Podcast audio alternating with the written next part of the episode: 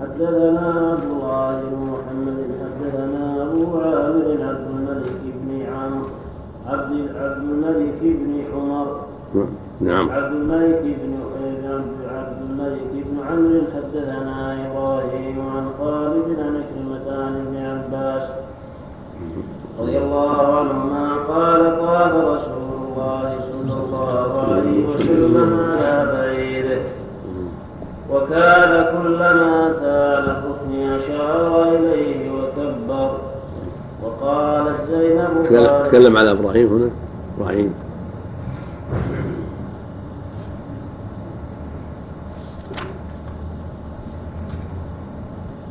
وهذا كله يبين لنا أن الإشارة معتبرة.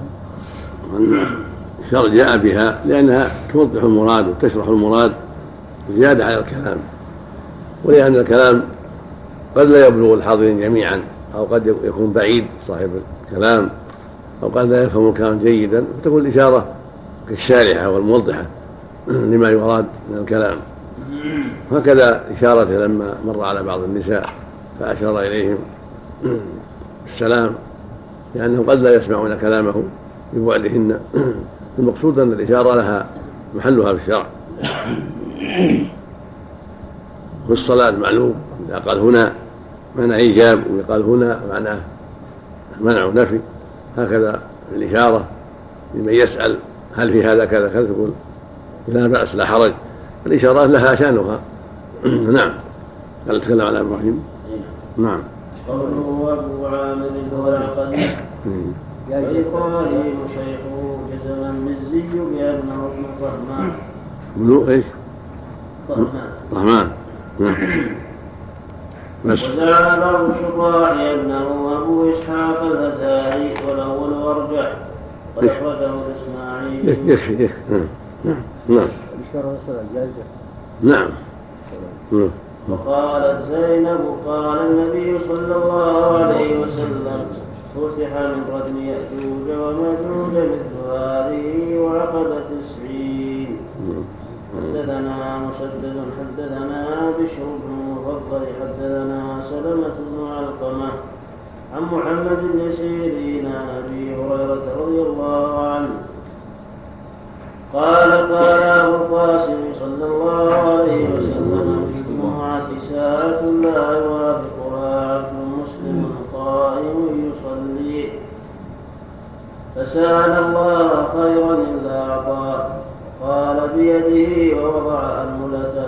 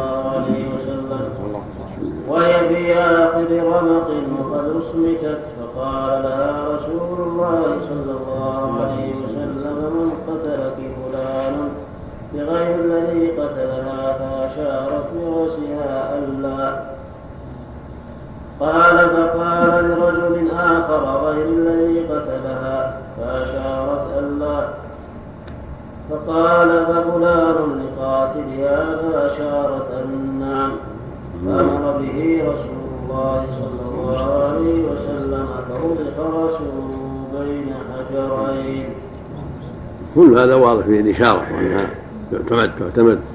وليس المعنى أنه رد رأسه بمجرد الإشارة لكنه صار هو محل الدعوة. بهذه الإشارة صار هو محل الدعوة. دعت عليه فأخذ فاعترف كما في الرواية الأخرى.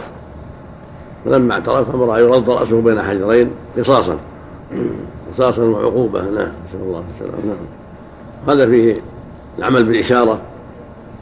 وأن القصاص يكون بمثل ما قتل القاتل. نعم. واحتج به العلماء على الغيلة وأن قتل الغيلة لا يشاور فيه الورثة بل يجب على ولي الأمر قتل القاتل حتى سد لباب الشر والفتن والعدوان على الناس. واغتالها لأخذ الأوضاع التي عليها. فلهذا لم لم ينقل أنه استشار الورثة بل أمر بقتله عليه الصلاة والسلام. هكذا من يتعدى على الناس ويغتالهم يقتل. ولا يشاور الورثة. نعم. المعروف بين الباب والوسطى هذا جاء في الحديث الصحيح. هكذا. يجوز. حلق بين اصحاب الحامل والوسطى لكن تسعين مقاربة لهذا الذي يضع إبهامه تحت السبابه يكون قريب من التسعين وهو قريب من عقد البهام والوسطى. متقارب. نعم. حدثنا قبيصة حدثنا سفيان عن عبد الله بن دينار عن ابن عمر رضي الله عنهما قال سمعت النبي صلى الله عليه وسلم يقول الفتنة من ها هنا وأشار إلى المشرق. حدثنا علي بن عبد الله حدثنا وهذا من علامات النبوة فإن الفتنة جاءت من المشرق. غالب الفتن وغالب الشرور جاءت من جهة خراسان وما حول خراسان وجاءت من المشرق الأدنى في مسيلمة وفتنته وما جاء من حصل منه. فإن الشرق من الشرق الأدنى وإن كان غالب الشرق من جهة المدينة العراق وما وراءها جهة خراسان فإن غالب الفتن جاءت من هناك وجاءت أيضا من عند ربيعة ومضر كما في الحديث الآخر. وهم قبيلتان معروفتان في العرب شرق الشرق الأدنى هذا الذي هو نجد. وفيها ظهر مسيلمة أيضا كذلك نعم. لكن غالب الشرور جاءت من الشرق الأقصى. نعم نعم. من أصيب بالقصاص عليه الإعدام يوم؟ يسقط حق الورثة يبقى حق القتيل. الله نعم. وإذا تاب سقط حق الله أيضا. ومثلا حق القتيل حق الورثة حق الرب عز وجل. في هذا العدوان. فإذا تاب سقط حق الله. وإذا اقتص منه أو سمح الورثة أو أخذوا الدية سقط حقهم بقي الحق الثالث. حق القتيل هذا بينه وبين الله عز وجل. إن شاء الله أرضاه عنه وأدخله الجنة وإن شاء أعطاه من حسنات فالأمر إلى الله. لكن ظاهر النصوص أنه إذا تاب توبة صادقة رضي الله عنه القتيل. يكون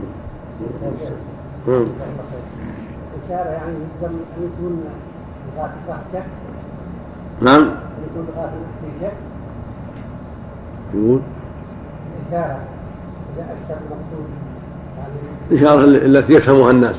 في كل عصر بحسبها وفي كل بلاد بحسبها الإشارة المفهومة تعتمد. فيما دلت عليه.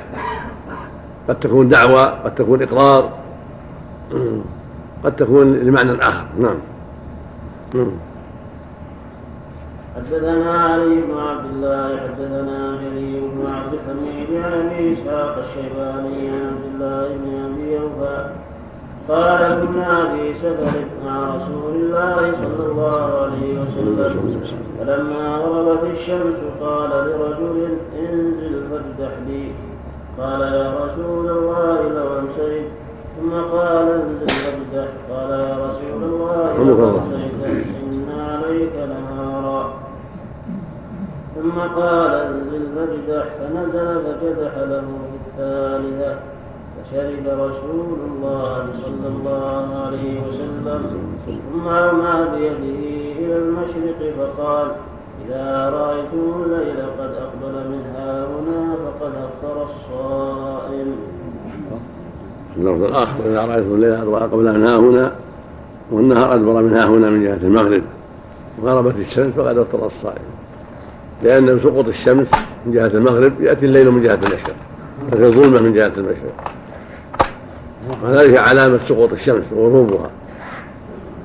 فالنور الذي يبقى بعد الشمس والصهرة والحمرة أن تكون في رؤوس الجبال أو النخيل أو ليس عليها عمدة.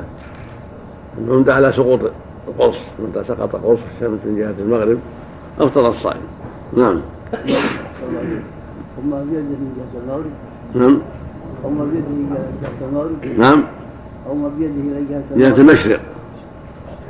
لأن الظلمة تجي من جهة المشرق بسقوط الشمس من جهة المغرب. نعم. حدثنا عبد الله بن مسلمة حدثنا يزيد بن زريع عن سليمان التيمي حدثنا حدثنا. حدثنا عبد الله بن مسلمة. نعم. حدثنا يزيد بن زريع عن سليمان التيمي. مم. عن أبي عثمان عن عبد الله بن مسعود رضي الله عنه. قال قال النبي صلى الله عليه وسلم لا يمنعن أحدا منكم نداء بلال أو قال اذانه من سحوره فإنما ينادي أو قال يؤذن ليرجع قائمكم. وليس في النصف ليرجع قائمكم. يرجع يرد نعم الأفصح فإن رجعك الله نعم. نعم نعم. يرد عن تطويل التهجد. نعم. وليس أن يقول كأنه يعني الصبح أو الفجر وأظهر يزيد يديه ثم مد إحداهما من الأخرى وقال الليث حدثني جعفر بن ربيعة عن عبد الرحمن بن هرمز. سمعت أبا هريرة رضي الله عنه قال قال رسول الله صلى الله عليه وسلم مثل البخيل والمنفق كمثل رجلين عليهما جبتان من حديد من لدن ثديهما إلى تراقيهما.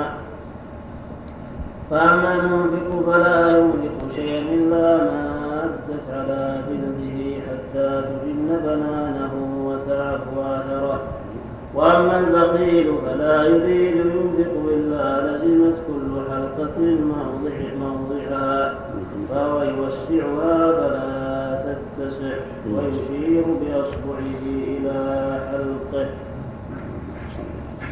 البخيل اعتاد البخل ونفسه شحيحة فلا يستطيع. كل ما أراد ينفق انقبضت نفسه.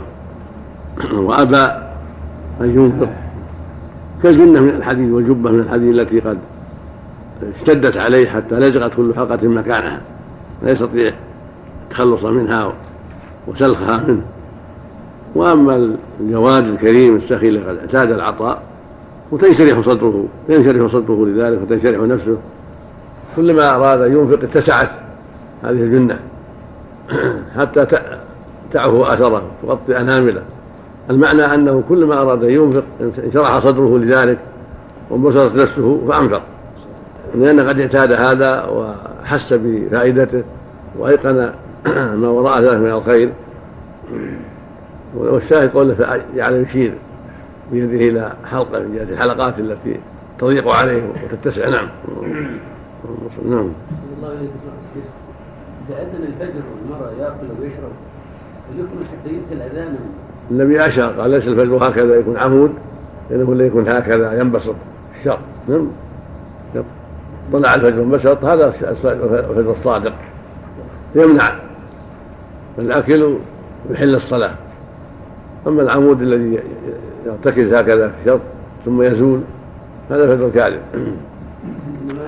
وإذا كان يعلم يأكل حتى يأتي الوقت المعتاد الذي يعرف أنه الصبح أو يشرب. وإذا كان أذان عمل بالأذان. وإذا كان الأذان من عادته أن يبكر مثل أذان بلال لم يعتمد عليه وإنما اعتمد الأذان الذي يوافق الصبح في التجارب المعتادة نعم في بلده أو قريته أو محلة نعم. نعم. إذا أذن ينتهي ولا يبقى مثل ما تقدم على حسب الصبح. وإذا كان شاك له, له يأكل ما في يده أو يشرب ما في يده حتى يتيقن الصبح بالأذان أو بالرؤية أو بالساعة أو ما أشبه ذلك نعم. لكن يبتعد عن الشك يتيسر يقدم بعض الشيء حتى يسلم من الشك نعم. والعمل بالتقويم مقارب التقديم التقويم مقارب وهو بيقين. مقارب نعم. نعم. البخاري بوب باب الإشارة في الطلاق وغيره ولم يذكر نعم. البخاري رحمه الله ذكر باب الإشارة في الطلاق وغيره. ولم يذكر أثر وإنما يعني كان يقيس عليه يريد أن يقيس ولا الاحاديث الكثيره كلها كلها إشارات. حديثها أعظم من الآخر. كلها الاحاديث فيها فيها الاشارات ولا ولا تحصى احاديث الإشارة. نعم. كأنه قاس الطلاق على غيره. نعم. وكأنه قاس الطلاق على غيره. في الأحكام كلها هذا مراد نعم. في الظهار وفي الطلاق. عنده أربع زوجات ولا ثلاث ولا اثنتين. قال عليه وقال بيده هذه بيده هذه كأمي. فاطمة إلى فاطمة. تصير الثلاث الأخرى المظاهرة منهن. ها؟ أو يصير خاص بها اللي أشار لها. ما قال فاطمة قال هذه. يصير خاص بها؟ نعم. هذا أربع عنده. قال هذه مطلقة. أشار إليها من الطلاق له؟ صاحبة الإشارة هذه بعد. نعم. باب اللعان وقول الله. تعالى. كيف أول الكلام أول ما قرأت. باب قوله باب الإشارة للطلاق والموت أي الحكمية وغيرها باب إيش؟ ما أول ما قرأت. قوله باب الظهار بكسر المعجمة هو قول الرجل لامرأته أنت علي كظهر أمي. وإنما خص الظهر بذلك دون سائر الأعضاء لأنه محل الركوب غالبا. ولذلك سمي المركوب ظهرا فشبه- فشبهت الزوجة بذلك لأنها مركوب الرجل. فلو أضاف لغير الظهر كالبطن مثلا كان ظهارا على الأظهر عند الشافعية واختلف فيما إذا لم يعين أم كان قال كظهر أختي مثلا فعن الشافعي القديم لا يكون ظهارا بل يختص بالأم كما ورد في القرآن وكذا في حديث قولة التي ظهر منها أوس وقال في الجديد يكون ظهارا ولكن اختلفوا فيه. وهو الصواب وهو الصواب أنه لا يختص بالأم. لكن الغالب يقع بالأم لأنها أشد أشد المحرمات تحريما. فلهذا شبهت بها المرأة. وإذا قال أنت علي كأختي أو كظهر أم بنتي أو كظهر عمتي المعنى واحد. نعم. ولكن اختلفوا في من لم تحرم على التأبيد فقال الشافعي لا يكون ظهارا وعن مالك هو ظهار وعن أحمد روايتان كالمذهبين فلو كان فلو قال كظهر أبي مثلا فليس بظهار عند الجمهور. وعن أحمد رواية أنه ظهار وطرده في كل من يحرم عليه وقته حتى في البهيمة ويقع الظهار بكل لفظ يدل على تحريم لكن بشرط اقترانه بالنية. قول قوله بعد قوله؟ قوله وقول الله تعالى. بعد قول بعد قوله. قوله وقال لي إسماعيل. مم. هو ابن أبي أويس. مم. كذلك أكثر وقع في رواية النسفي وقال إسماعيل بدون حرف الجر والأول أولى وهو موصول فعند جماعة أنه يستعمل هذه الصيغة فيما تحمله عن شيوخه مذاكرة والذي ظهر لي بالاستقراء أنه إنما يستعمل ذلك فيما يورده موصولا من الموقوفات. أو مما لا يكون من المرفوعات على شرطه. وقد أخرجه أبو نعيم في المستخرج من طريق القعنبي. عن مالك أنه سأل ابن شهاب فذكر مثله وزاد وهو عليه واجب. قوله قال مالك هو موصول بالإسناد المذكور. قوله وصيام عبد شهران يحتمل أن يكون ابن شهاب الذي نقل مالك عنه أن ظهار العبد نحو ظهار الحر. كان يعطي العبد في ذلك جميع أحكام الحر ويحتمل أن يكون أراد بالتشبيه مطلق صحة الظهار من العبد كما يصح من الحر. ولا يلزم أن يعطى جميع أحكامه ولكن ابن بطال الإجماع على أن العبد إذا ظهر أزمه وأن كفارته بالصيام شهران كالحر. نعم اختلفوا في الإطعام والعتق فقال الكوفيون والشافعي لا يجزئه إلا الصيام فقط. وقال ابن القاسم عن مالك إن أطعم بإذن مولاه أجزأه. وما ادعاه من الإجماع موجود فقد نقل الشيخ الموفق في المغني عن بعضهم أنه لا يصح ظهار العبد لأن الله تعالى قال فتحرير رقبة. والعبد لا يملك الرقاب. وتعقبه بأن تحرير الرقبة إنما هو على من يجدها فكان فكان كالمعسر ففرضه الصيام. وأما ما ذكره من قدر على صيام وأما ما ذكره من قدر صيامه فقد أخرج عبد الرزاق عن معمر القتادة عن إبراهيم لو صام شهرا أجزاء.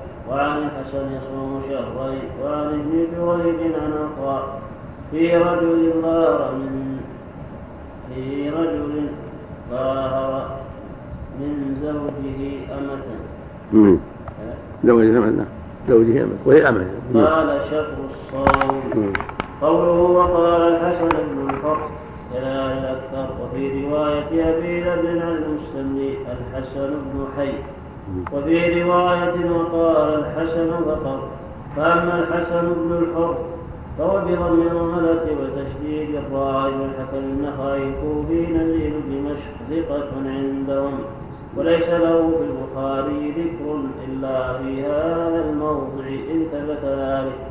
وأما الحسن بن حي فبفتح المهملة وتشديد التحتانية في الحسن بن حر نعم. نسب لجد أبيه وهو الحسن بن صالح ابن صالح بن حي واسم حي حيان. كوفي ثقة فقيه عابد من طبقة سفيان الثوري. قد تقدم ذكر أبيه في أوائل هذا الكتاب. وقد أخرج الطحاوي في كتاب اختلاف العلماء هذا الأثر عن الحسن بن حي.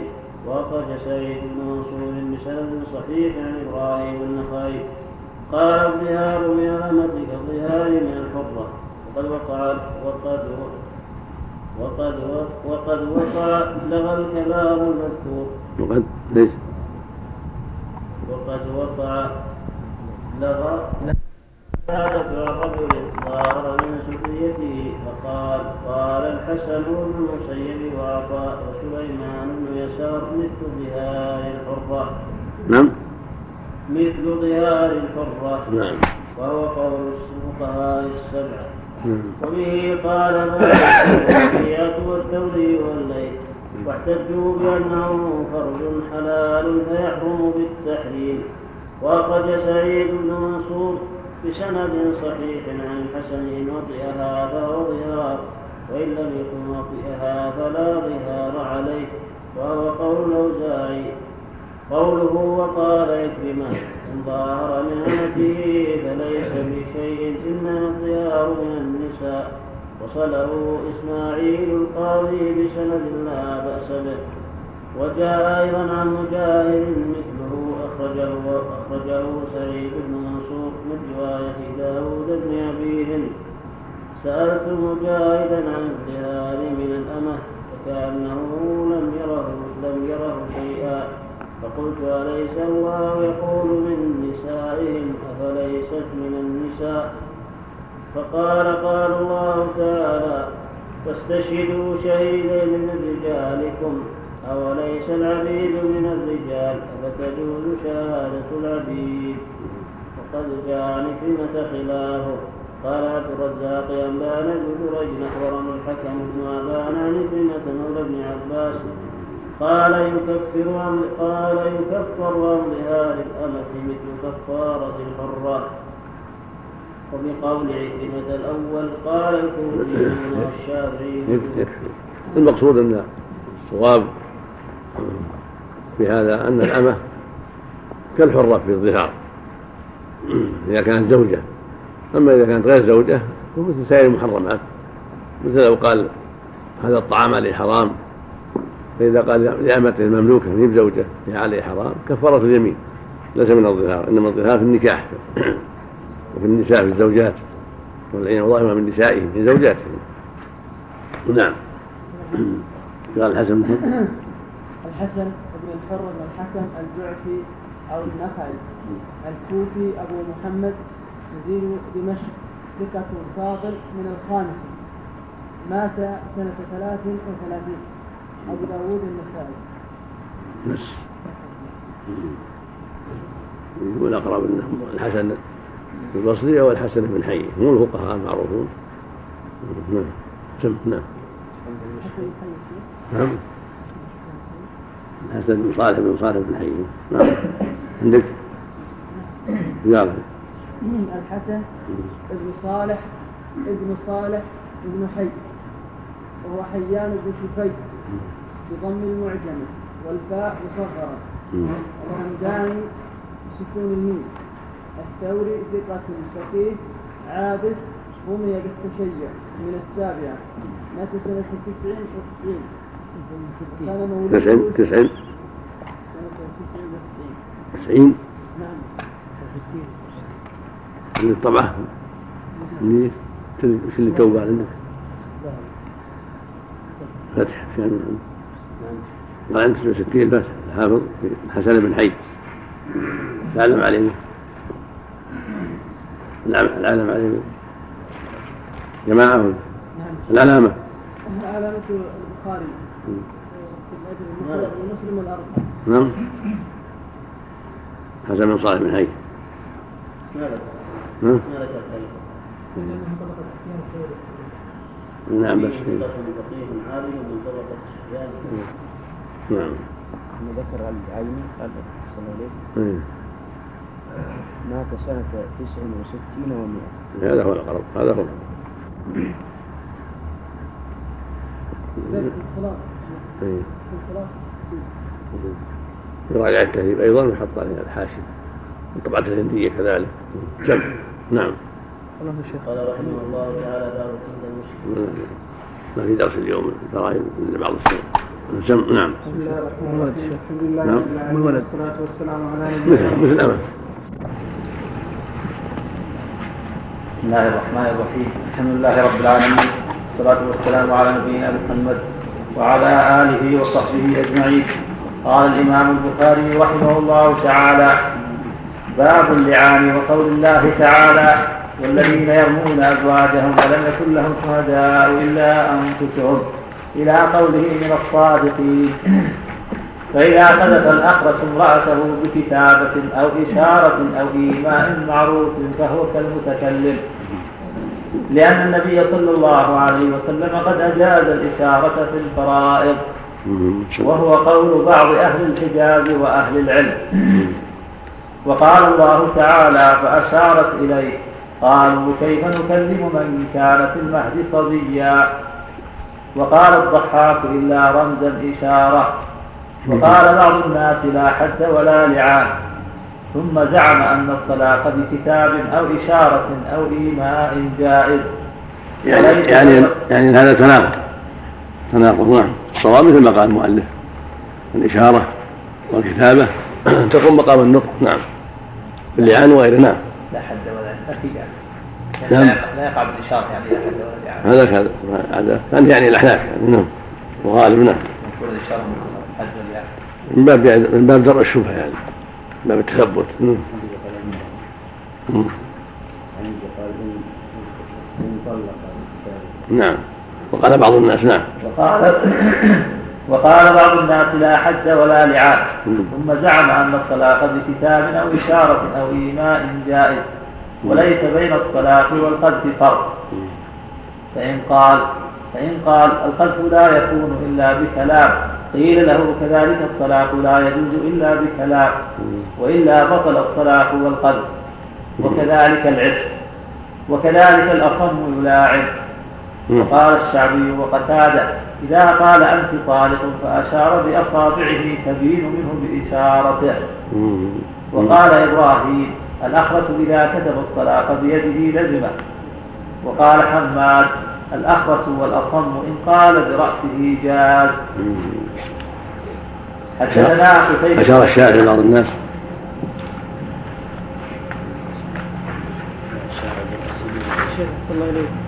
بعض الناس. اتباع مذهب ابي حنيفه يصبح يقال الحنفيه ولا الاحناف؟ يصلح هذا وهذا. حنفية نسبة إلى حنيفة. المضاف إليه. وأحناف كذلك حنيف وأحناف نعم. قوله وقال بعض الناس لا حد ولا لعان أي بالإشارة من الأخرس وغيره. ثم زعم إن طلق بكتاب أو إشارة أو إيماء جاز كذا لأبي ذر ولغيره أن الطلاق بكتابة إلى آخره. قوله وليس بين الطلاق والقذف فرق. فإن قال القذف لا يكون إلا بكلام قيل له كذلك الطلاق لا يكون إلا بكلام. أي وأنت وافقت على وقوعه بغير الكلام فيلزمك مثله في اللعان والحد. قوله وإلا بطل الطلاق والقذف وكذلك العتق. يعني إما أن يقال باعتبار الإشارة فيها كلها أو بترك اعتبارها فتبطل كلها بالإشارة. وإلا فالتفرقة بينهما بغير دليل تحكم. وقد وافقه بعض الحنفية على هذا البحث وقال القياس بطلان الجميع لكن عملنا به في غير اللعان والحد استحسانا. ومنهم من قال منعناه في اللعان والحد للشبهة لأنه يتعلق بالصريح كالقذف. كأن كأن ترك هذا لأنه قد تقدم غير مرة بعض الناس أنه اراد بها الأحناف. نعم. شيخ نعم. في رجل زوجة أرسل لها في البلاد نعم. العيني قال قوله وقال بعض الناس أراد به الكوفيين لأنه لما فرغ من احتجاج لكلام أهل الحجاز شرع في بيان قول الكوفيين في قذف الأخرس وقال الكرماني قوله بعض الناس يريد به الحنفية حيث قالوا لا حد على الأخرس لأنه لا اعتبار لقذفه ولا لعان عليه. وقال صاحب الهداية ذكر يكفي قد تقدم غير مرة هذا. قد تقدم. نعم. يكفي. يكفي نعم. في رجل له زوجة يا شيخ في الخارج وأرسل لها كتابة يطلقها يعني. فهل يقع؟ نعم شيخ. نعم نعم. حدثنا قتيبة حدثنا ليث عن يحيى بن سعيد الأنصاري أنه سمع أنس بن مالك رضي الله عنه يقول قال رسول الله صلى الله عليه وسلم ألا أخبركم بخير دور الأنصار؟ قالوا بلى يا رسول الله. قال بنو النجار ثم الذين يلونهم بنو عبد الأشهل. ثم الذين يلونهم بنو, بنو الحارث بن الخزرج ثم الذين يلونهم بني ساعدة ثم قال ثم لا ينونهم ثم الذين يلونهم بنو ساعدة. نعم. ثم قال بيده فقبض أصابعه ثم بسطهن سبعا بيده ثم قال وفي كل دور الأنصار خير اللهم الله عنه اللهم الله عنه اللهم اللهم اللهم نعم. حدثنا علي بن عبد الله حدثنا سفيان. في هذا أن بيان الفضائل ليست غيبة ولا غضاضه على أحد. بين فضائل الناس ومنازلهم وإن كان بعض الناس قد يرى عليه غضاضه إذا قدم عليه غيره لكن الشارع اطرح هذا لأن هذا من باب الفضائل من باب إيضاح الحق من باب إيضاح الحق. كما يقال هذا عدل وهذا ليس بعدل من باب إيضاح الحق حتى يعتمد. وتقدم بني النجار ثم بني عبد الأشهل ثم بني الخزرج ثم بني ساعد من باب إنزال الناس منازلهم. ليعلم فضل هؤلاء على هؤلاء وهؤلاء على هؤلاء في الجمله وإن كان الأفراد قد يتفاوتون قد يكون الفرد من بني ساعدة أفضل من بعض الأفراد من بني النجار وهكذا ما أشبه ذلك لكن من باب تفضيل الجنس على الجنس. نعم. كما يقال الرجال أفضل من النساء ولا يلزم من هذا غيبة للنساء ولا قدح في النساء وإنما بيان المنزله الفضل. وكم لله من امرأة أفضل من رجل. لكن المقصود جنس الرجال أفضل لما أعطاهم الله من العقل والقوة والبصيرة. نعم. ورود الحديث نعم. بمناسبة ورود الحديث. الإشارة قبض بسط إذا قبضها قبضها وبسطها نعم. نعم. حدثنا علي بن عبد الله حدثنا سفيان قال أبو حازم سمعته من سهل بن سعد الساعدي صاحب رسول الله صلى الله عليه وسلم. حدثنا حدثنا علي بن عبد الله حدثنا سفيان قال أبو حازم سمعته من سهل بن سعد الساعدي نعم. صاحب رسول الله صلى الله عليه وسلم. يقول قال رسول الله صلى الله عليه وسلم وعدت أنا والساعة كهذين من هذه أو كهاتين. وقرن بين السبابة والوسطى. نعم صلى عليه وسلم. نعم. حدثنا آدم حدثنا شعبة حدثنا جبله بن سحيل سمعت ابن عمر رضي الله عنهما يقول قال النبي صلى الله عليه وسلم الشهر هكذا وهكذا وهكذا يعني ثلاثين.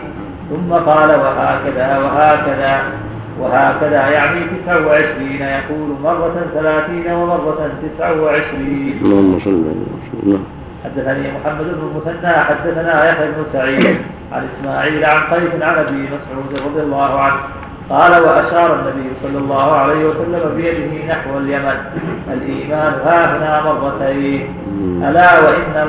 ألا وإن القسوة وغلظ القلوب في السجادين حيث يطلع قرن الشيطان ربيعة ومضر الله أكبر الله أكبر حدثنا عمرو بن زرارة. صار إليك. كان هذا ذكر للإشارة أنه يرد على الأحناف. هذا قصد المقصود تأييد ما تقدم. من الإشارة معتبرة. لو كان به معتبرة صار فعل النبي عبث. نعم. اللهم صل على نعم. نعم. حدثنا عمرو بن زرارة. أخبرنا عبد العزيز بن أبي حازم عن أبيه عن سهل رضي الله عنه. قال رسول الله صلى الله عليه وسلم أنا وكافر اليتيم في الجنة هكذا. وأشار بالسبابة والوسطى وفرج بينهما شيئا. الله أكبر الله أكبر.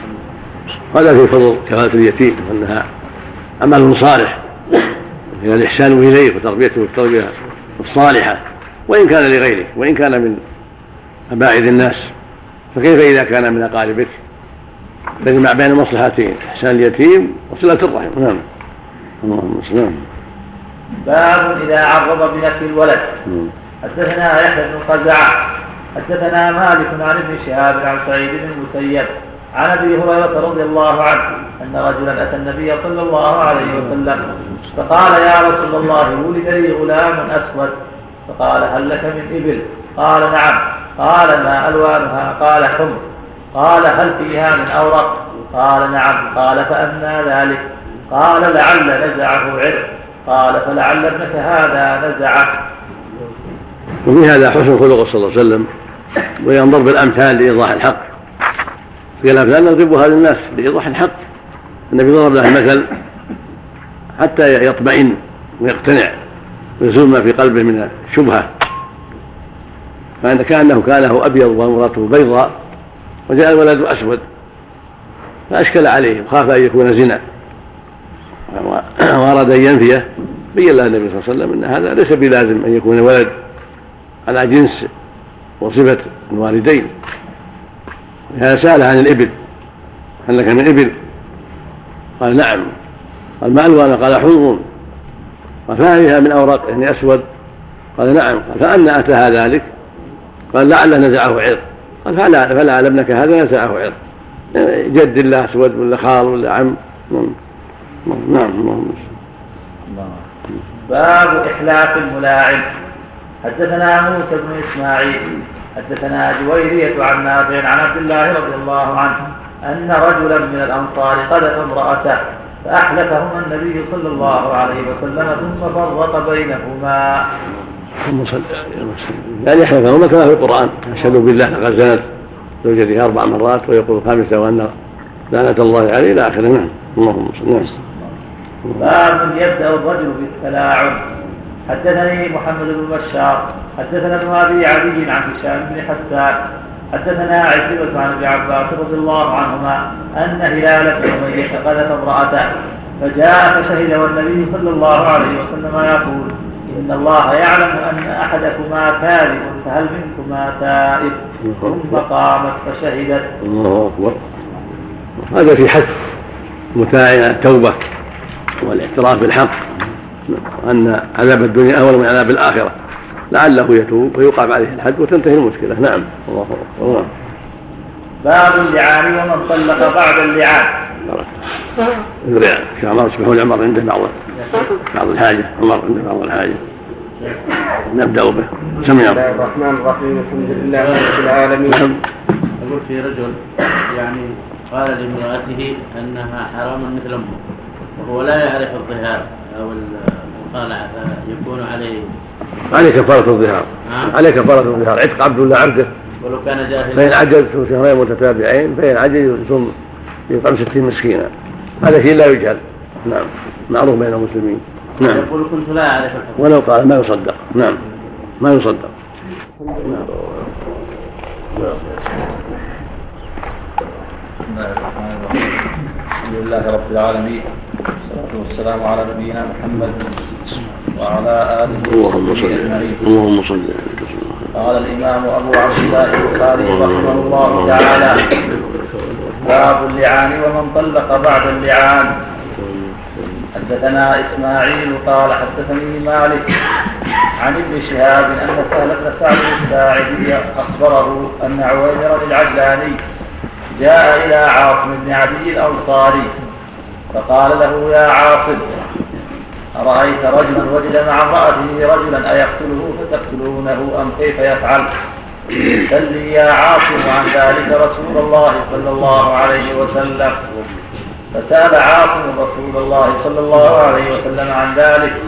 فكره رسول الله صلى الله عليه وسلم المسائل وعابها حتى كبر على عاصم ما سمع من رسول الله صلى الله عليه وسلم. فلما رجع عاصم إلى أهله جاءه عويمر. فقال يا عاصم ماذا قال لك رسول الله صلى الله عليه وسلم؟ فقال عاصم لعويمر لم تأتني بخير. قد كره رسول الله صلى الله عليه وسلم المسألة التي سألت التي سألته عنها. فقال عويمر والله لا أنتهي حتى أسأله عنها. فأقبل عويمر حتى جاء رسول الله صلى الله عليه وسلم وسط الناس. فقال يا رسول الله أرأيت رجلا وجد مع امرأته رجلا أيقتله فتقتلونه أم كيف يفعل؟ فقال رسول الله صلى الله عليه وسلم قد أنزل الله فيك وفي صاحبتك فاذهب فأت بها. قال سهل فتلاعنا وأنا مع الناس عند رسول الله صلى الله عليه وسلم. فلما فرغا من تلاعنهما قال عويمر كذبت عليها يا رسول الله. كذبت عليها يا رسول الله إن أمسكتها فطلقها ثلاثا قبل أن يأمره رسول الله صلى الله عليه وسلم. قال ابن قال ابن شهاب فكانت سنة المتلاعنين. يعني سنة المتلاعنين وهذا. يعني أن يحضر أن يحضرهما الإمام أو نائبه فيتلاعنا. إذا كان رماها بالفاحشة رماها بالزنا فإنه يلاعنها أو يلتزم بحد القذف إلا أن إلا أن تسمح عنه. والتلاعن مثل ما بين الله في سورة النور في أولها في قوله سبحانه والذين يرمون أزواجهم ولم يكن لهم شهداء إلا أنفسهم فشهادوا أحدهم أربع شهادة بالله الآية. فيقول أشهد بالله. لقد زنت زوجتي هذه ويسميها باسمها أو يشير إليها ويكررها أربع مرات. ويقول الرابعة وأن لعنة الله عليه إن كان من الكاذبين. ثم تقول هي أشهد بالله لقد كذب. كما رماني به من الزنا وتكرر هذا أربع مرات. ثم تقول الخامسة الخامسة وأن غضب الله عليها إن كان من الصادقين. ثم بعد هذا تكون فرقة بينهما. لا تحل له أبدا. تحرم عليه أبدا تحريما مؤبدا. نعم. إذا سمحت بحد القذف وليس بعد بلوغ الإمام حد هذا حد مخلوق أقول حق مخلوق إذا سمح ولا بعد بلوغ إذا سمح سقط. نعم. يقول امسكتها ما أنا كاذب يعني ما ما بيها ما ما دام جرى بيني وبينها كذا. يظن أنها تبقى معه بعد اللعان يحسب أنها تبقى. فطلقها نعم. وإذا أخذها بالفم ووجدها في نعم. هذا هذا محتمل محتمل. أقول هذا محتمل. الشيخ ابن باز. قد تعتد صبحك الله بالخير. إن اعترفت وتابت الحمد لله. وما اعترفت قد تروح قد قد تزول البكاره في شدة الحيض والوثبه يجب نعم. حق هذه الموضوع هذه الموضوع هذه الموضوع من قال انه حق نعم. نعم حد القذف شيء حق لله وللادم قال انه بالشرع المعروف ان حد حق المخلوقين واذا هذا واذا هذا لا اذا سمح ما يقام حد القذف لأن رمي الله بالفاحشه نعم نعم الله لو قتله رجل وجد رجلا مع امراه يقتل به. يقتل بالقصاص إذا طلب أهل القتيل القصاص يقتل بالقصاص إلا يقيم البينة. نعم. نعم. يقيم بينة على على انه وجد عند أهله. لأن من باب في الصائل. نعم. باب التلاعب في المسجد. حدثنا يحيى أخبرنا عبد الرزاق. اخبرنا أخبرنا ابن قال أخبرني ابن شهاب عن عن الملاعنة وعن السنة فيها. وعن الملاعنة. نعم يصلح كذا وكذا. الملاعنة بالنظر إلى أنها حلفت والملاعنة بأن حولف عليها. نعم. نعم. عن حديث سهل بن سعد أخي بني ساعدة أن رجلا من الأنصار جاء إلى رسول الله صلى الله عليه وسلم فقال يا رسول الله أرأيت رجلا وجد مع امرأته رجلا أيقتله أم كيف يفعل؟ فأنزل الله في شأنه ما ذكر في القرآن من أمر المتلاعنين فقال النبي صلى الله عليه وسلم قتل الله فيك وفي امراتك قال فتلاعنا في المسجد وأنا شاهد. فلما فرغا قال كذبت عليها يا رسول الله إن أمسكتها. وطلقها ثلاثا قبل أن يأمره رسول الله صلى الله عليه وسلم. حين فرغا من التلاعن ففارقها عند النبي صلى الله عليه وسلم. فقال ذاك تفريق بين كل متلاعنين قال ابن جريج قال ابن شهاب فكانت السنة بعدهما أن يفرق بين المتلاعنين وكانت حاملا وكان ابنها يدعى لأمه قال ثم جرت السنة في ميراثها أنها ترثه ويرث منها ما فرض الله له قال ابن جريج عن ابن شهاب عن سهل بن سعد الساعدي إيش؟ وين السنة؟ قال ثم جرت السنة في ميراثها أنها ترثه ويرث منها ما فرض الله له. كذا؟ وأنه يرثها وترث منه ما فرض الله لها. أو العكس. ولد ما يفرق ولد معصب ينحى الشاهد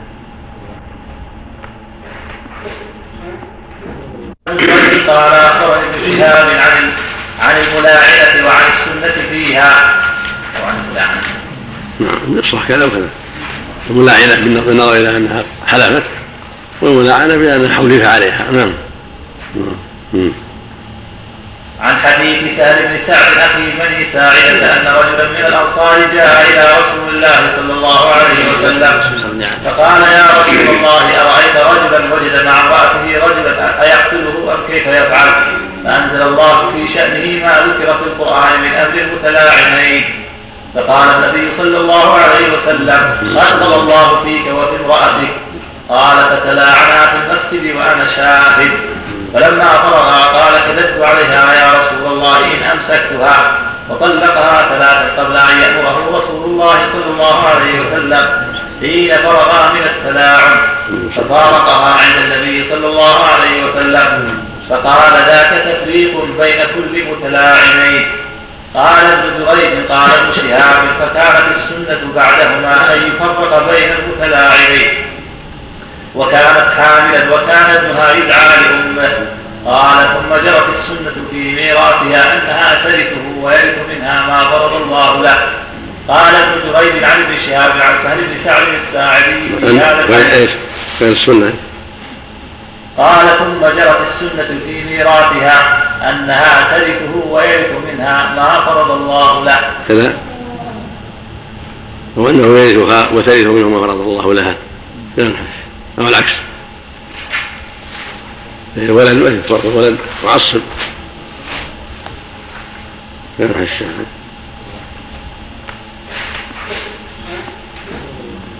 قوله وكانت حاملا وكان ابنها يدعى لامه قال ثم جرت السنة في ميراثها أنها ترثه ويرث منها ما فرض الله لها. شغلة ترث منه؟ منه. شر ما فرض الله لها ما فرض الله لها. إن شاء الله. هذه الأقوال كلها أقوال ابن شهاب وهو موصول إليه بالسند وقد وصله سويد بن سعيد عن مالك عن ابن شهاب عن سهل بن سعد. قال الدار في غرائب مالك لا أعلم أحدا رواه عن مالك غيره. لا أعلم أحدا رواه عن مالك غيره. قلت وقد تقدم. لا أعلم أحدا رواه عن مالك غيره. قلت وقد تقدم في التفسير من طريق فليح بن سليمان عن الزهري عن سهل. فذكر قصة المتلاعنين مختصرة وفيه تفارقها فكانت سنة أن يفرق بين المتلاعنين وكانت حاملة إلى قوله ما فرض الله لها. وظاهره أنه من قول سهل مع من قول سهل مع احتمال أن يكون من قول ابن شهاب كما تقدم. وهذا صريح في أن اللعان بينهما وقع وهي حامل. ويتأيد بما في رواية عباس بن سهل بن سعد عن أبيه عند أبي داود. فقال النبي صلى الله عليه وسلم لعاصم بن علي أمسك المرأة عندك حتى تلد. تقدم في أثناء الباب الذي قبله من مرسل مقاتل بن حيان. ومن حديث عبد الله بن جعفر أيضا التصريح بذلك. نعم نعم. عيني غير شيء العيني. قوله ما فرض الله لها وهو الثلث إن لم يكن له ولد ولا ولد ابن ولا اثنان من الإخوة والأخوات. فإن كان شيء من ذلك فلها السدس فإن فضل شيء من أصحاب الفروض فهو لبيت المال عند الزهري والشافعي. ولا ولها ولها ولك ما عبارة ما قال وأبي ثور ومالك. نعم. كاتب ولك ما. عند عند مالك وأبي ثور. قال فهو لبيت المال عند الزهري والشافعي ومالك وأبي ثور. وقال الحكم محمد ترثه ورثة أمه وقال آخرون عصبته عصبة أمه. روي هذا عن علي وابن مسعود وعطاء وأحمد بن حنبل.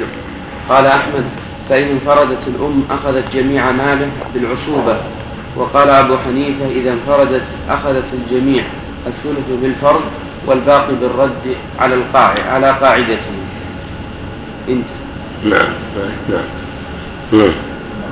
قال ابن جريج عن ابن شهاب عن سهل سعد الساعدي في هذا الحديث إن النبي صلى الله عليه وسلم قال إن جاءت به أحمر قصيرا كأنه وحرة فلا أراها إلا قد صدقت وكذب عليها وإن جاءت به أسود أعين ذا أليتين فلا فلا أراه إلا قد صدق عليها فجاءت به على المكروه من ذلك.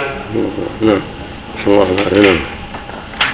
باب قول النبي صلى الله عليه وسلم لو كنت راجما بغير بينة. حدثنا سعيد بن عقيل.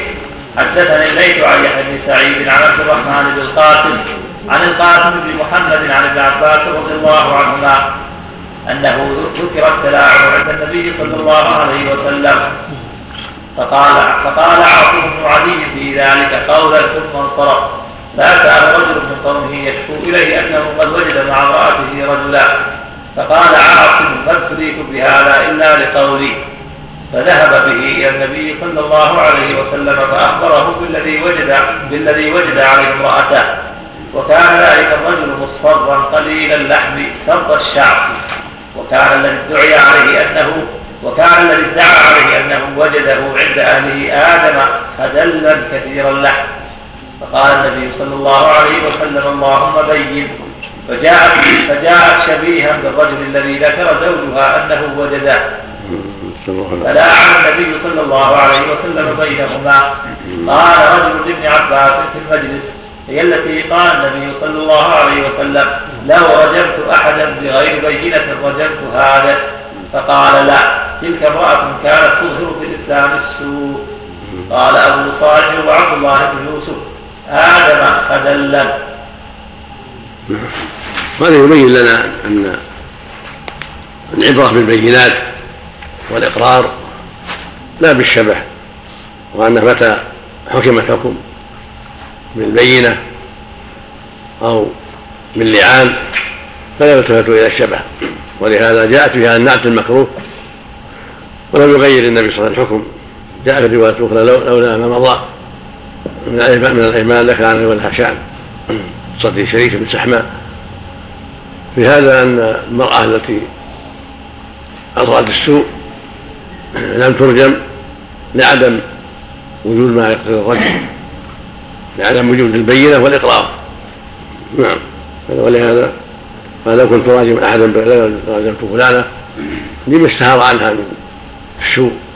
تهمة الحاصل أن الحد الرجم حد الزنا لا بد من البينة أو الإقرار. أما التعزير فشيء آخر. التأديب والتعزير بالتهمة فله شأن آخر. نعم. الله عليك ذكر في الحديث. يبدو أنه ذكر صاحب زوجته وصفته. ما يكون كأنه قذفه بذلك ولا لا بد أن النبي النبي بين لهم أن جاءت بكذا وأن جاءت بكذا. لكن ما ما نوصي في هذا. نعم. ما دام الحد اقيم ما دام اللعان أقيم وانتهى الموضوع فلا يزال الشبه في هذا شيء. نعم. سواء رجل مبتلعين بعد الفرقة بينها وبين ولدها يعني. سنة حامل ولدها يرثها وترثه. والزوج راح. انتهى. نعم. نعم. باب صداق الملاعنة. حدثني عمرو بن زرارة أخبرنا إسماعيل. عن أيوب عن سعيد بن جبير قال قلت لابن عمر رجل قذف امرأته. فقال فرق النبي صلى الله عليه وسلم بين أخوي بني العجلان. وقال الله يعلم أن أحدكما لكاذب فهل منكما تائب الله يعلم. وقال الله يعلم أن أحدكما لكاذب فهل منكما تائب لما جاءت اللام وجب الكسر. وقال الله يعلم إن أحدكما لكاذب فهل منكما تائب فأبيا. وقال الله يعلم أن أحدك والله الله يعلم أن أحدكما كاذب فهل منكما تائب؟ فأبيا. فقال الله يعلم إن أحدكما لكاذب فهل منكما تائب؟ فأبيا. ففرق بينهما. قال أيوب فقال لي عمرو عمرو بن دينار إن في الحديث شيئا لا أراك تحدثه. قال قال الرجل مالي قال قيل لا مال لك. إن كنت صادقا فقد دخلت بها وإن كنت كاذبا فهو أبعد منك. والمعنى أنه لا يعطى مهر. كان صادقا فذاك ما استحل بفرجها وإن كان كاذب فهو أبعد له. لا يجمع بين له بين الكذب. وبين المهر نعم. الحاصل انهما يتفرقان من دون أن ترد عليه شيئا. كما لو طلقها. نعم. بعد الدخول. نعم. باب قول الإمام للمتلاعنين إن أحدكما كاذب فهل منكم فهل منكما من تائب حدثنا علي بن عبد الله حدثنا سفيان قال عمرو سمعت سعيد بن جبير قال سألت ابن عمر رضي الله عنهما عن المتلاعنين فقال قال النبي صلى الله عليه وسلم للمتلاعنين حسابكما على الله أحدكما كاذب لا سبيل لك عليها. قال ما لي؟ قال لا مال لك. إن كنت صدقت عليها فهو بما استحللت من فرجها وإن كنت كذبت عليها فذاك أبعد لك. قال سفيان حفظته من عمرو وقال ايوب سمعت سعيد بن جبير قال قلت لابن عمر رضي الله عنهما رجل لا علم امرأته فقال بأصبعه وفرق سفيان بين بين إصبعيه السبابة والوسطى. فرق النبي صلى الله عليه وسلم بين أخوي بني العجلان وقال الله يعلم إن أحدكما كاذب فهل منكما تائب؟ صلى الله وسلم قال الله بالفتح إن جاءت اللام كسر وإما جاءت بالفتح بعد العلم لأنه معلق. في محل مفعول. نعم. يعني الله يعلم كذب أحدكم. نعم. بعد العلم نعم. هذا العلم معلق اذا جاءت اللام نعم. نعم قال الله يعلم إن احدكما كاذب فهل منكما تائب ثلاث مرات قال سفيان حفظته من عمرو وأيوب كما اخبرتك والحفظة الله. الملعنة تحتاج إمام. لابد يكون في إمام. أو أو نائبة هذا إذا وجد يعني. أما لو إذا الشرع الحكم على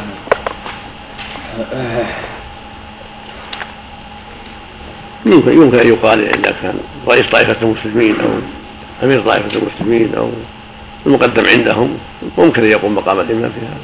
في هذه التي لا تحكم الشرع. ولا تنظر في هذه المسائل. نعم. فائدة التوبة بعد نعم. التلاعن نعم. فائدة التوبة بعد التلاعن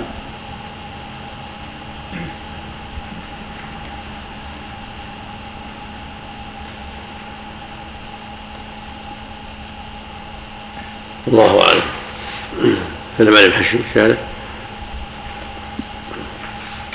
قوله فهل منكما من تائب يحتمل أن يكون ارشادا لا أنه لم يحصل منهما ولا من أحدهما اعتراف ولأن الزوج يحتمل يحتمل يحتمل يحتمل يحتمل. أن يكون إرشادا. مم. لا أنه لم يحصل منهما ولا من أحدهما اعتراف لأنه لأنه لأنه. مم، لا أنه. لا مم. إيش بعده؟ إيش بعده؟ ولأن الزوج لو أكذب نفسه كانت توبة منه مم. هذا يدلك على أنه لأنه نعم. إيش بعدها؟ بس ما تكلم شيء زيادة؟ تكلم شيء عيني ما زاد شيء؟ هنا في مكان آخر. قوله وقال الله يعلم إن أحدكما كاذب قال عياض ظاهره أنه قال هذا الكلام بعد فرائهما من اللعان فيؤخذ منه عرض التوبة على المذنب ولو بطريق الإجمال وأنه يلزم من كذبه وأنه يلزم من كذبه التوبة من ذلك. وقال الداودي قال ذلك قبل اللعان تحذيرا لهما منه. والأول أظهر وأولى بسياق الكلام. قلت والذي قاله الداودي أولى من جهة أخرى وهي مشروعية الموعظة قبل الوقوع في المعصية. بل هو أحرى مما بعد الوقوع وأما سياق كلامك وهذا الموعظة قد جاءت في الحديث الآخر أنه وعظهما وذكرهما فأصرا وصمما فلا عن بينهما الموعظة قد حصلت. لكن هل التوبة تنقض ما مضى حيث لو تاب ترجع له ويكون ولد ولده؟ هل هنا أو يقول الحكم تم الحكم وندمه بعد هذا لا لا يؤثر شيئا. الذي يظهر انه أن حث لهما على التوبة من جهة خفة الذنب. أما الحكم فقد مضى سواء كانت سواء كانت التوبة قبل أو بعد. ما دام اللعان تم بينهما فالحكم مضى والفرقة تمت. فالتوبة لا تؤثر في مسألة تغيير الحكم. فتمت الفرقة ولا ترجع إليه لو تاب أو تابت الحكم تم. ولكن هذا من باب إزالة أثر ظلمها وظلمها. إذا تاب زال عنه ما يتعلق بحق الله وبقي ما يتعلق بحقها بينها وبينه. إن سمحته وإلا فالمرجع إلى الله سبحانه وتعالى. نعم الحاصل والله أعلم أن التوبة لا تؤثر شيئا. التوبة بعد الحكم لا تغير الحكم. هذا هو الأقرب هو الأظهر. نعم. وإنما وإنما هو حث لهما على الرجوع إلى الله والإنابة إليه. حتى الولد لا ينسب إليه بعد. ولا ينسب إليه ولا شيء. تم الحكم. نعم. ولو أخذ بنفسه يعني. نعم. يقول يعني يحمل أن أخذ بنفسه وأن قذفها هو ظاهر الحال. هو الظاهر. الحكم تم. وصار الولد لها. بعض أهل العلم يرى أنه إذا أكذب نفسه لحقه الولد. لأن الحق النسب مطلوب وإثبات الأنساب مطلوب. نعم. لكن الشارع ما ما أعطى المقام حقه في الحقيقة لعله يأتي لعله يأتي شيء هذا. نعم. باب التفريق بين المتلاعنين نعم. حدثني إبراهيم بن المنذر حدثنا أنس بن عياض عن عبيد الله عن نافع أن ابن عمر رضي الله عنهما أخبره أن رسول الله صلى الله عليه وسلم فرق بين رجل وامرأة قذفها وأحلفهما حدثني مسدد حدثنا حدثنا حدثنا يحيى عن عبيد الله. أخبرني نافع عن ابن عمر رضي الله عنهما. قال لعن النبي صلى الله عليه وسلم بين رجل وامرأة من الأنصار وفرق بينهما. نعم. نعم. باب يلحق الولد بالملاعنة نعم. حدثنا يحيى بن بكير حدثنا حدثنا مالك قال حدثني نافع عن ابن عمر رضي الله عنهما أن النبي صلى الله عليه وسلم لاعن بين رجل وامرأة فانتفى من ولدها ففرق بينهما وألحق الولد بالمرأة. زاد شيء هنا ولا إيه. من جهة الاستلحاق.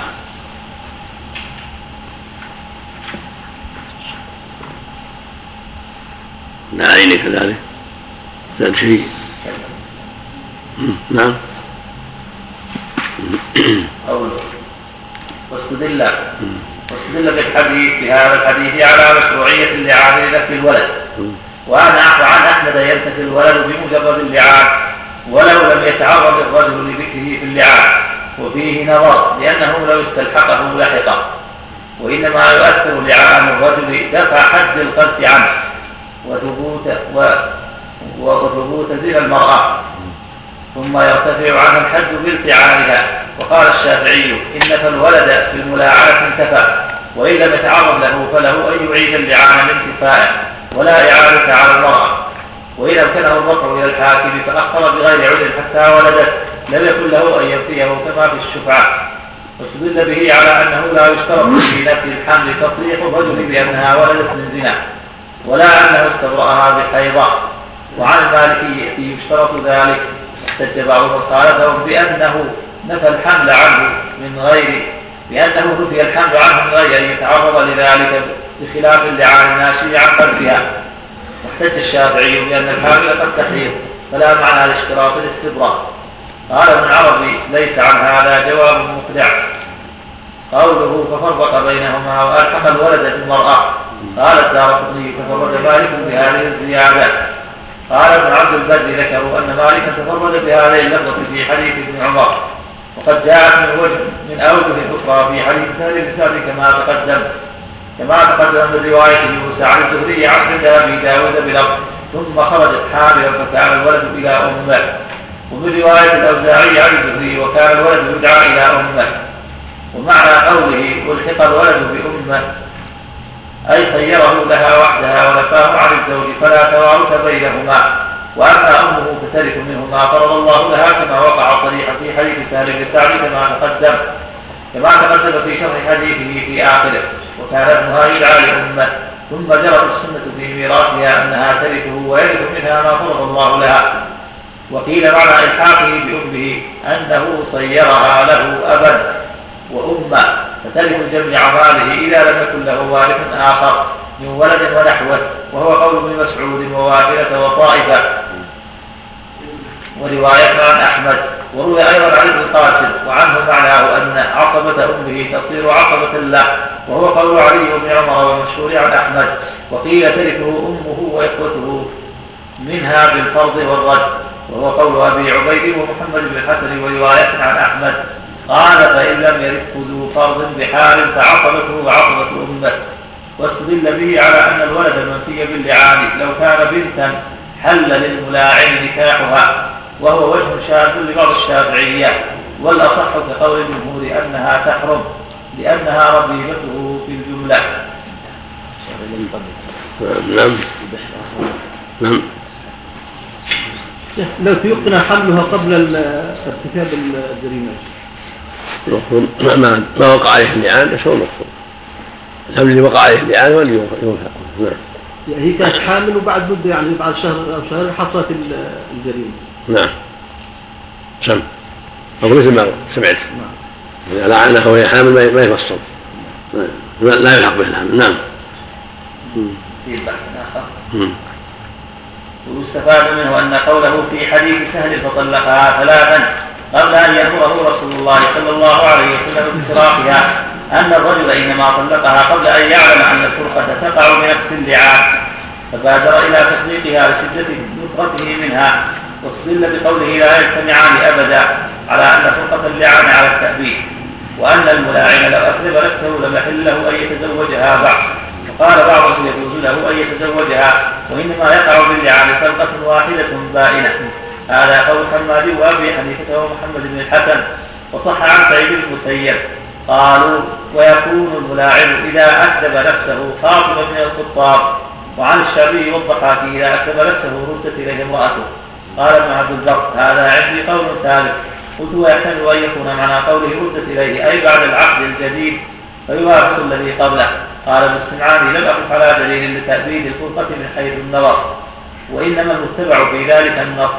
وقال ابن عبد البر أبدى بعض أصحابنا له فائدة وهو ألا يجتمع ملعون مع غير ملعون لأن أحدهما ملعون في الجملة بخلاف ما إذا تزوجت المرأة غير الملاعن فإنه لا يتحقق فإنه لا يتحقق وتعقب بأنه لو كان كذلك لم تنع عليهما لم تنع عليهما معنى التزويج لأنه يتحقق أن أحدهما ملعون ويمكن أن يجاب بأن في هذه الصورة بأن في هذه الصورة افترقا في الجملة قال ابن السمعاني وقد أورد بعض الحنفية أن قوله المتلاعنان يقتضي أن فرقة التأويل يشترط لها أن يقع التلاعن من الزوجين والشافعية يكتفون في بلعان الزوج فقط كما تقدم وأجاب بأنه لما كان لعانه بسبب لعانها وصريح لفظ اللعن يوجد في جانبه دونها سمي الموجود منه ملاعنة ولأن لعانه سبب في إثبات الزنا عليها فيستلزم انتفاء نسب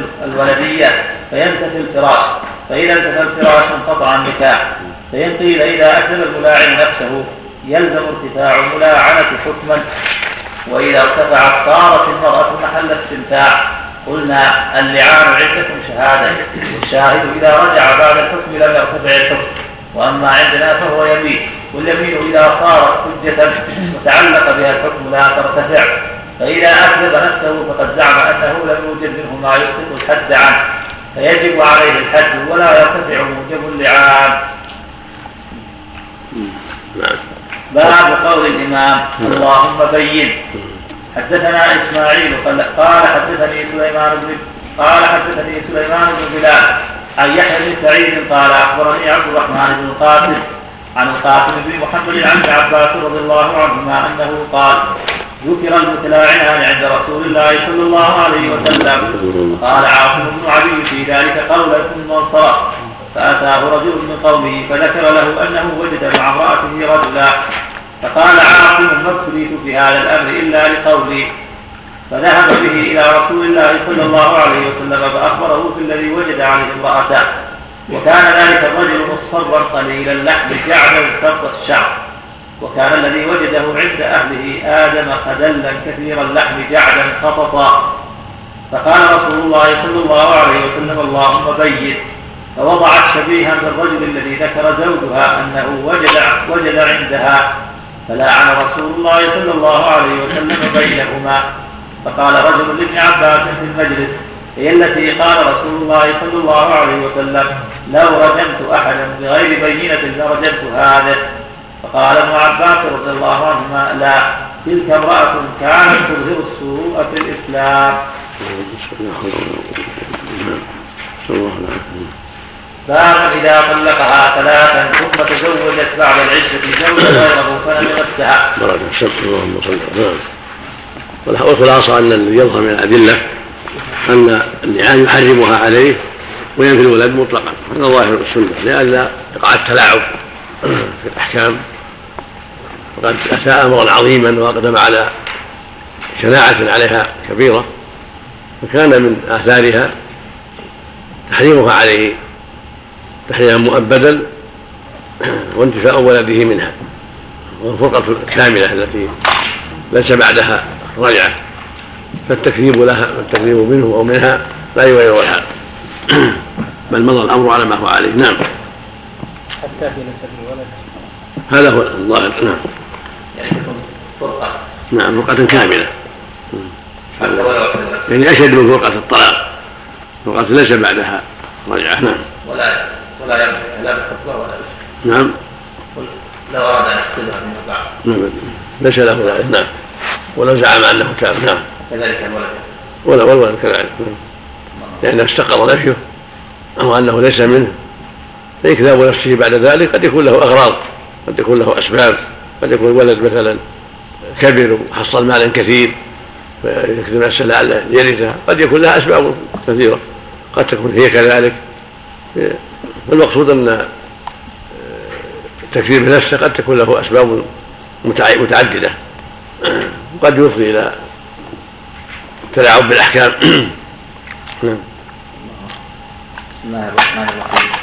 الحمد لله رب العالمين. والصلاة والسلام على نبينا محمد وعلى آله وصحبه أجمعين. ولا مانع ولا مانع من رجعة رجعة البحث مثل المغني ابن حزم حنا يراجع بحث هي الاستلحاق يعني. نعم. شوف كلام أهل العلم الاستلحاق. نعم. نعم. قال الحافظ بن حجر رحمه الله تعالى لأن الحسين رضي الله عنهما المؤلف المؤلف ما اعتنى بالموضوع الشارع يعني لم يعتني الا كلام أهل العلم. العيني كذلك ما ما اعتنى عنه. نعم نعم. نعم. لكن عاصم لما قال فقد في ذلك قولا تكلم كلام الموضوع ثم ابتلوا بهذا الرجل. يسأله نعم. تكلم إيش احسن عليك؟ نعم. تكلم إيش؟ تكلم كلام ما بين تكلم كلام في اللعان. فابتلي بهذا الرجل جاي. كلفها بالسؤال نعم. نعم. بسم الله الرحمن الرحيم الحمد لله رب العالمين. والصلاة والسلام على أشرف الأنبياء والمرسلين نبينا محمد وعلى آله وأصحابه أجمعين. قال الإمام البخاري رحمه الله تعالى باب إذا طلقها ثلاثا ثم تزوجت بعد العدة زوجا غيره فلم يمسها.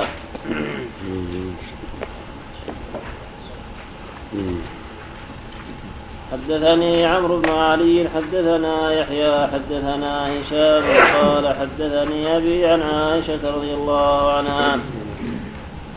عن النبي صلى الله عليه وسلم حاء حدثنا عثمان بن أبي شيبة. حدثنا عبدة عن هشام عن أبيه عن عائشة رضي الله عنها.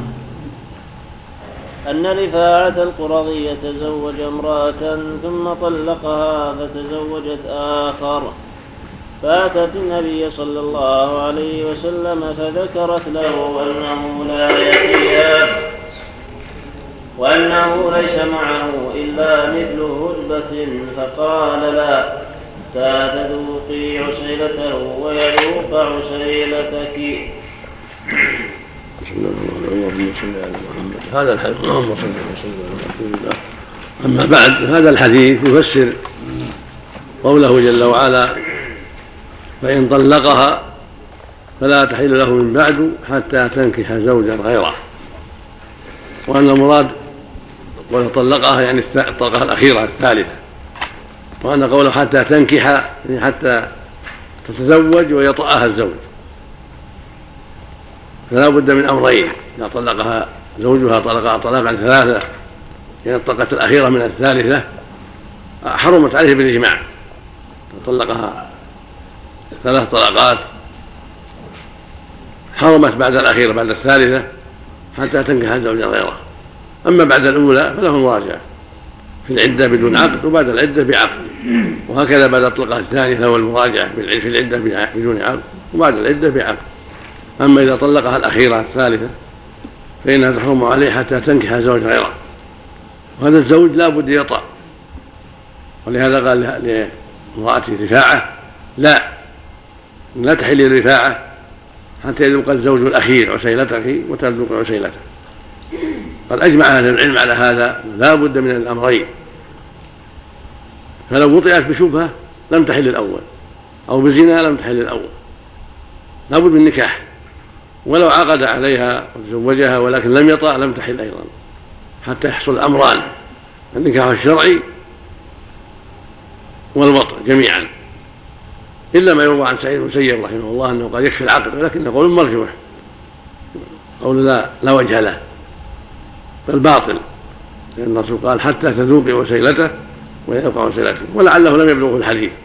فأخذ بظاهر الآية وحملها على العقد نعم. أما إذا طلقها ثلاثا بكلمة واحدة قال أنت مطلقة بالثلاث. أو أنت طالقة بالثلاث أو هي طالق بالثلاث. فالعود فالجمهور على أنها تلزم وتحرم عليها حتى تنكح زوج غيره.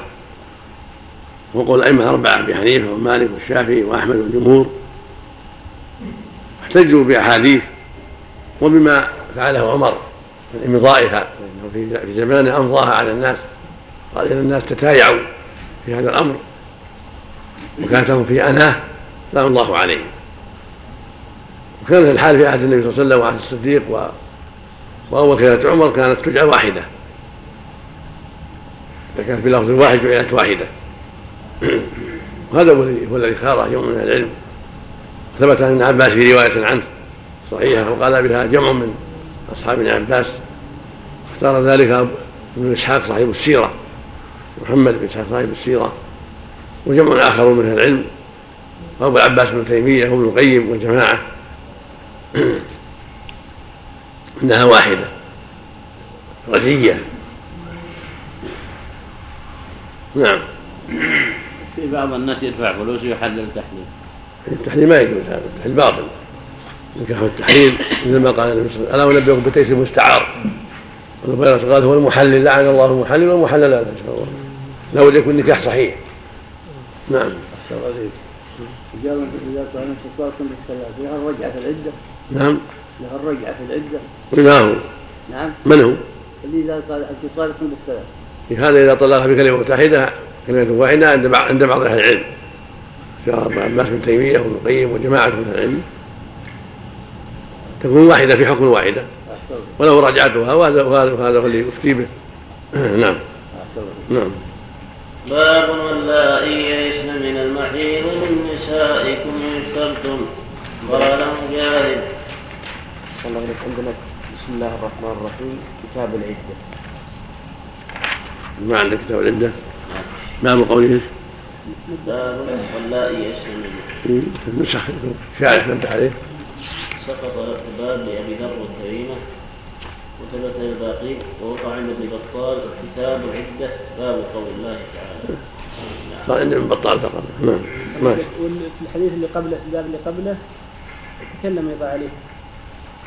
قلت تنبيه لم يفرد لم يفرد كتاب العدة عن كتاب اللعان فيما وقفت لم يفرد كتاب العدة عن كتاب اللعان فيما وقفت عليه من النساء ووقع في شرح ابن بطال قبل الباب الذي يلي هذا وهو باب واللائي يئسن من كتاب العدة ولبعضهم أبواب العدة.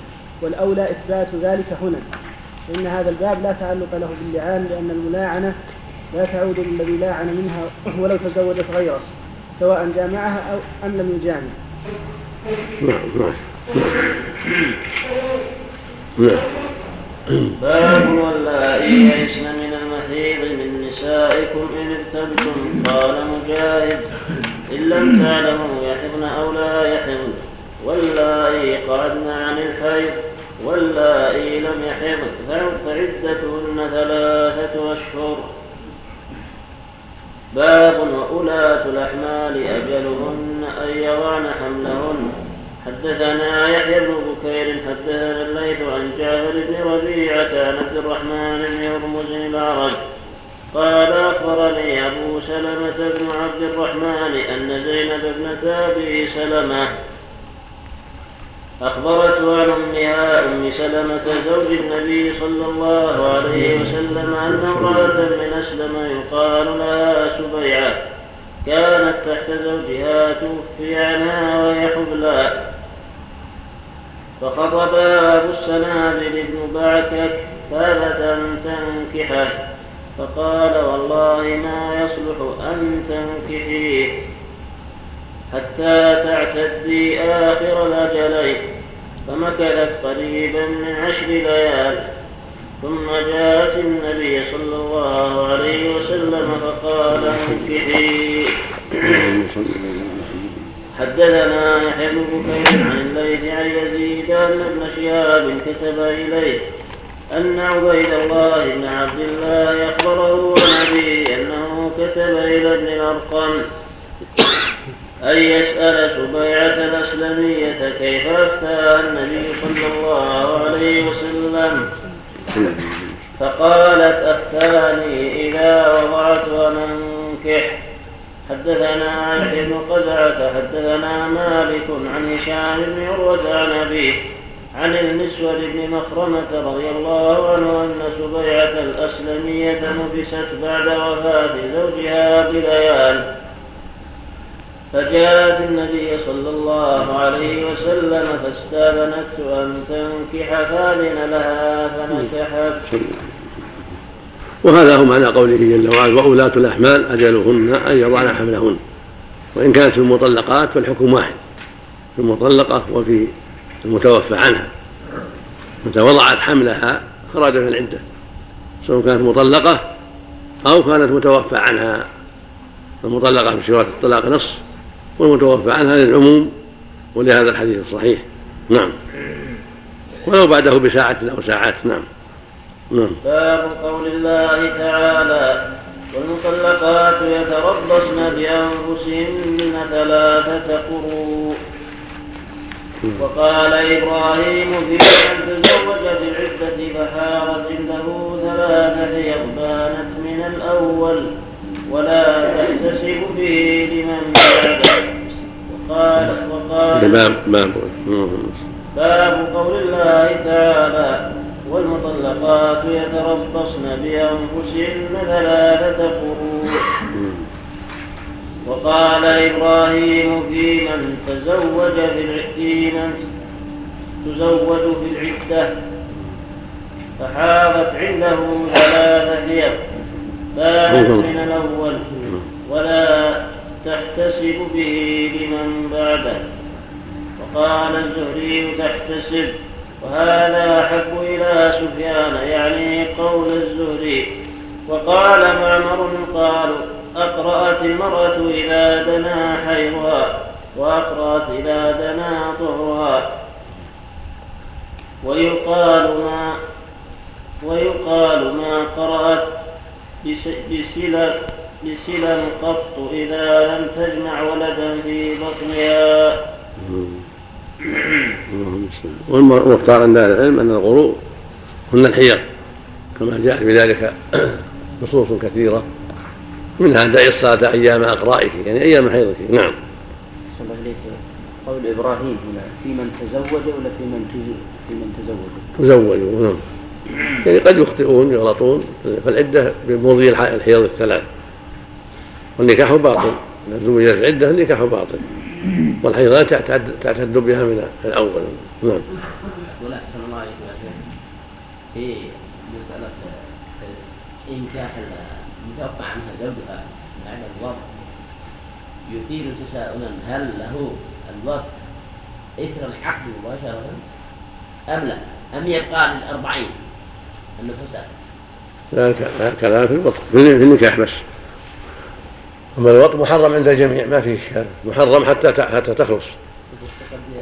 هذا كلام في النكاح. أما الوط ليس له وطئها حتى لو عقد على الحائض أيضا. عقد على الحائض صحيح لكن لا يطع حتى تطهر. وهكذا النساء. يعقد لكن لا يطع حتى تطهر. نعم ولا تحتسب به لمن بعده. النكاح الثاني يعني. لو قدر إنه وطئ في النكاح الثاني باطل. فالحيض الأولى للزوج الأول ثم تعتد الثاني بحيض أخرى. بعد الثلاث. بعد الثلاث الأولى. تكلم الشارع على قال إبراهيم. نعم. قوله وقال إبراهيم هو النخعي. في من تزوج في من تزوج في العدة فحاضت عنده ثلاث حيض. بانت من الأول ولا تحتسب به لمن بعده. قال الزهري تحتسب وهذا أحب إلى سفيان. ساد في نسخة الصغاني يعني قول الزهري وصله ابن أبي شيبة عن عبد الرحمن بن مهدي عن سفيان وهو الثوري عن مغيرة عن إبراهيم. عن إبراهيم في رجل طلق فحاوت فتزوجها رجل فحاوت. قال بانت من الأول ولا تحتسب الذي بعده. وعن سفيان عن معمر عن الزهري تحتسب قال ابن عبد البر لا أعلم أحدا ممن قال الاقراء الاقرار يقول هذا غير الزهري. قال ويلزم على قوله أن المعتدة لا تحل حتى تدخل في الحياة الرابعة. وقد اتفق علماء المدينة من الصحابة فمن بعدهم كذا الشافعي ومالك وأحمد. وأتباعهم على ما إذا طعنت في الحيضة الثالثة طهرت بشرط أن لا يقع طلاقها في الطهر على أنها متى طعنت؟ نعم. على أنها إذا طعنت في الحيضة الثالثة طهرت بشرط أن يقع طلاقها في الطهر وأما لو وقع في الحيض لم تعتد بتلك الحيضة وذهب الجمهور إلى أن من اجتمعت عليها عدتان أنها تعتد عدتين. وعن الحنفية عبارة عبارة عبارة ابن عبد البر إيش خالد قال ابن عبد البر لا أعلم أحدا ممن قال الأقراء والأقرار يقول هذا غير الزهري. قال ويلزم على قوله أن المعتدة لا تحل حتى تدخل في الحيضة الرابعة. وقد اتفق علماء المدينة من الصحابة فمن بعدهم وكذا الشافعي ومالك وأحمد وأتباعهم على أنها إذا طعنت في الحيضة الثالثة طهرت بشرط أن يقع طلاقها في الطهر. كذا؟ طهرت ولا خرج من العدة؟ هو طهرت. خرج من العدة. إذا طعنت في الحيضة الثالثة إذا قلنا بالأطهار خرجت من العدة مو طهرت. في الحيضة الثالثة جاء عدم الطهر.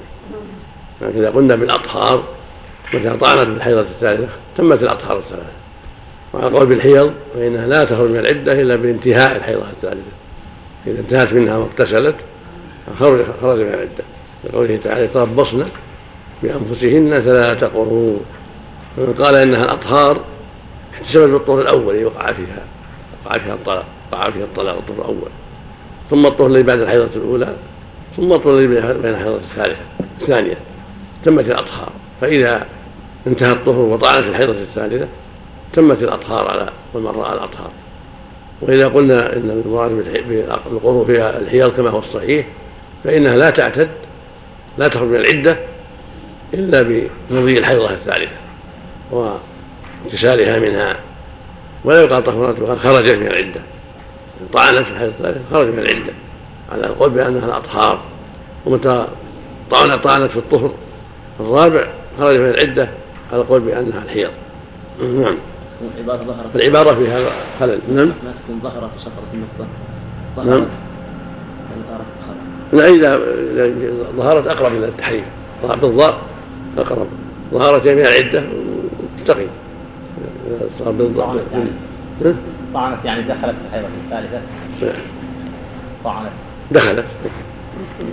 بس اللي عنده طهرت. قال لو كان ظهر ظهرت كذا قد يعني يحمل ظهرت من العدة يعني. نعم. أيهما أطول؟ أطول. الأطهار ولا؟ الحيض الحيض. الصواب إنها الحيض نعم. الاقراه هي الحيض هذا الصواب. نعم لأن جاءت مفسره في الأحاديث. نعم. يعبر عن الخروج بالظهور الظاهر انه يعبر في حتى في اللغة ظهر من البلد يعني خرج منها. لكن التعبير بالخروج أوضح. نعم. الظاهر أنها سبقت قلم احد الكتاب والله أعلم. نعم. وأما لو وقع في الحج. يكفي يكفي. نعم. باب قصة فاطمة بنت قيس وقوله واتقوا الله ربكم لا تخرجوهن من بيوتهن ولا يخرجن إلا يأتين بفاحشة مبينة. وتلك حدود الله ومن يتعد حدود الله فقد ظلم نفسه. لا تدري لعل الله يحدث بعد ذلك أمرا. أسكنوهن من حيث سكنتم من وجدكم فلا تضاروهن لتضيقوا عليهن. وإن كن أولات حمل فأنفقوا عليهن حتى يضعن حملهن إلى قوله بعد عسر يسرا. حدثنا إسماعيل حدثني مالك عن يحيى بن سعيد عن القاسم بن محمد وسليمان بن يسار أنه سمعهما يذكران أن يحيى بن سعيد. قوله أجورهن مهورهن. يعني سهل. العيني ما تكلم ما نقل كلام عبد البر. العيني ما تتبع. مم، تام نعم. نعم.